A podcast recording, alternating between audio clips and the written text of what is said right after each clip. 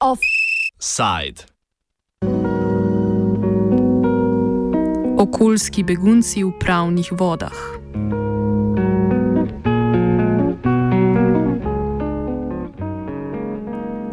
August je tu, z njim pa čas za res kislih kumaric. V prihodnjih štirih tednih, zato vsak dan ob 17. popoldanski, ne bomo obdelovali aktualnih ne novic, temveč bomo vsak teden izbrali po eno, malo manj aktualno temo. Začenjamo s temo, ki postaja vedno bolj pomembna, še bolj pa bo v prihodnosti: podnebnimi begunci. V prvi oddaji se posvečamo pravnemu statusu teh oseb, kot ga določa trenutno veljavno mednarodno pravo.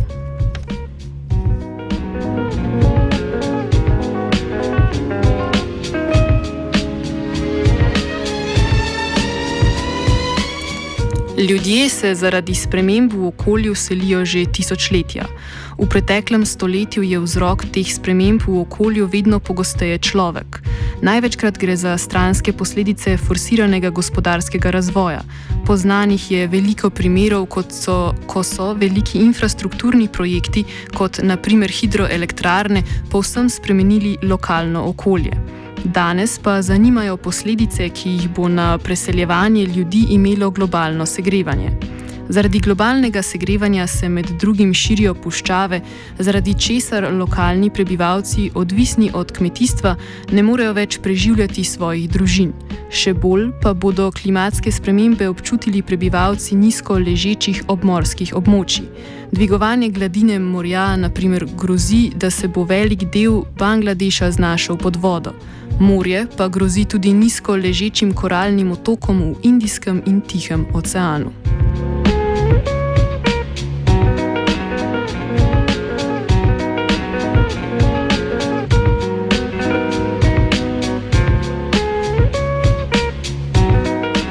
Begunski status ureja Ženevska konvencija o beguncih iz leta 1951. Ta je bila sprejeta zaradi posledic druge svetovne vojne. Šele leta 1967 so bila njena načela spremenjena v splošna.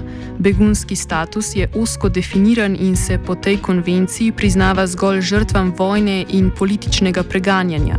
Status tistih, ki so domove morali zapustiti zaradi okoljskih sprememb, je tako nedefiniran. Trenutno stanje opiše Dana Šmalc iz Univerze v Heidelbergu. Well, it depends. There are lots of different scenarios. So we we can say there are people who are displaced due to natural disasters, which relate to climate change, and then we can again distinguish uh, natural disasters which are of short-term or sudden disasters, and those which are related to slow degradation of living circumstances. So um, th- these, this one line or X again, um, along which we can distinguish, and then respectively we can distinguish between people internally displaced or cross borders. So the legal status will depend.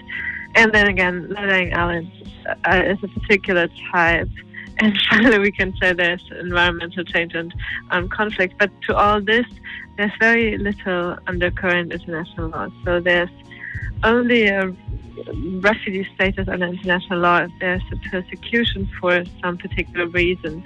So there can be some consolations, especially when there's harm which amounts to like a level of persecution and it is somehow clear that it's attributable to the state and that there's some sort of discriminatory treatment of persons. So, under some circumstances, um, people displaced in relation with climate change could also um, fall under the refugee law, but this is very rare circumstances. And then we can ask um, if they sometimes will fall under subsidiary protection in European Union law where the threshold is lower when it comes to subsidi- subsidiary protection. So we they look for serious harm, so either inhuman or degrading treatment, and again must be attributable to the state, but um, there can be some circumstances. But we have very little under international law right now.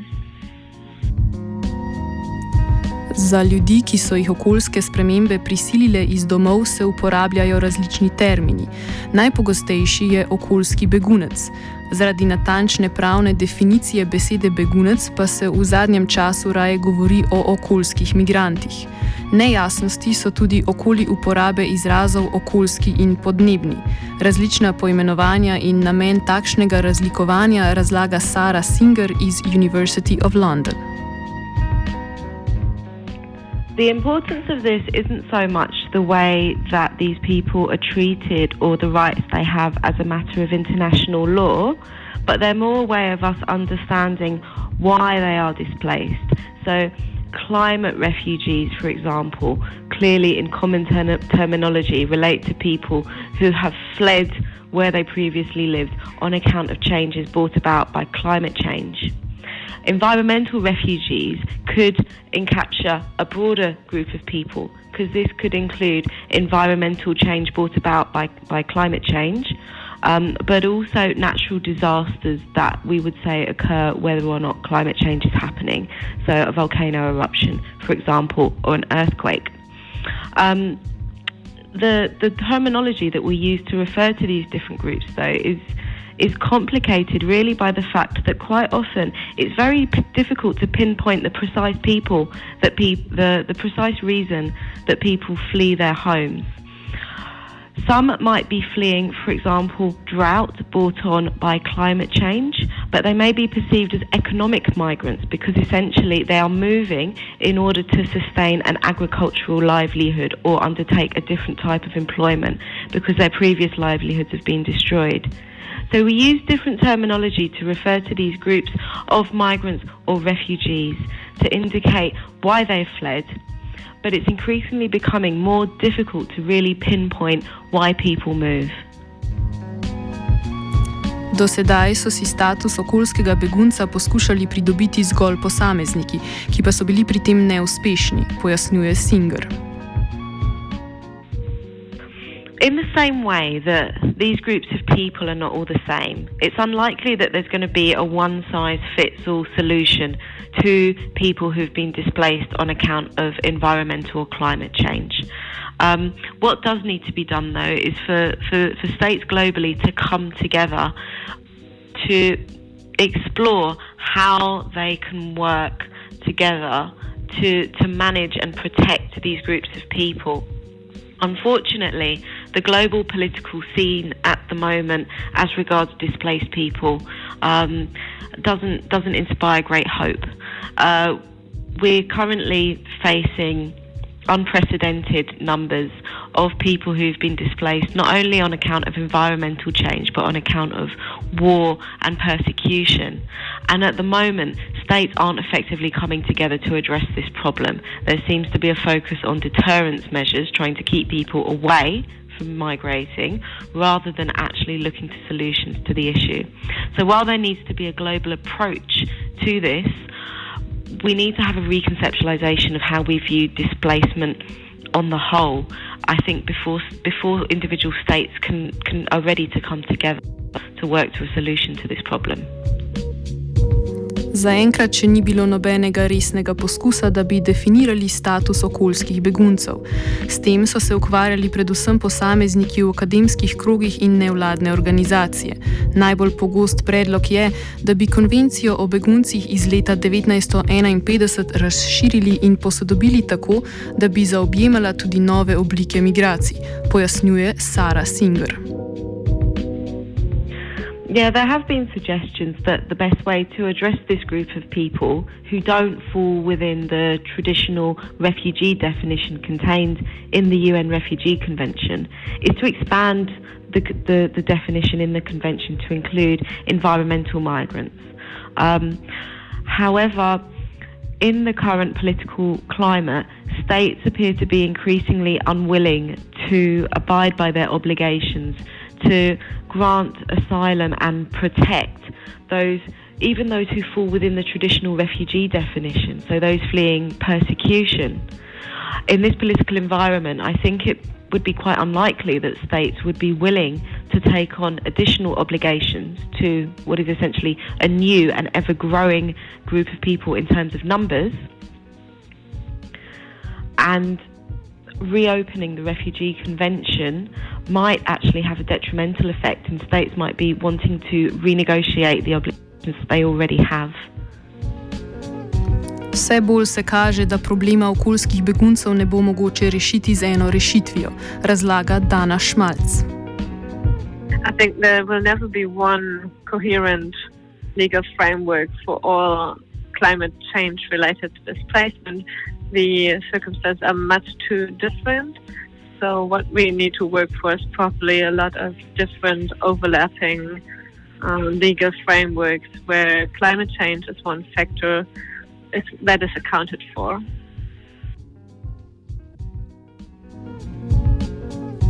S tem se strinja tudi Singer, ki pa poudarja tudi problem vedno manjše politične volje za sprejemanje nove mednarodno-pravne definicije begunskega statusa. In the same way that these groups of people are not all the same, it's unlikely that there's going to be a one size fits all solution to people who've been displaced on account of environmental or climate change.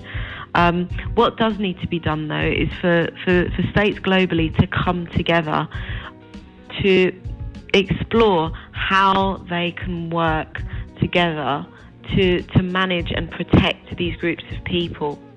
Unfortunately, the global political scene at the moment, as regards displaced people, um, doesn't doesn't inspire great hope.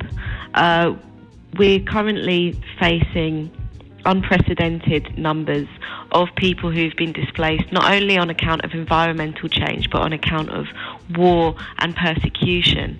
And at the moment, states aren't effectively coming together to address this problem. There seems to be a focus on deterrence measures, trying to keep people away from migrating rather than actually looking to solutions to the issue.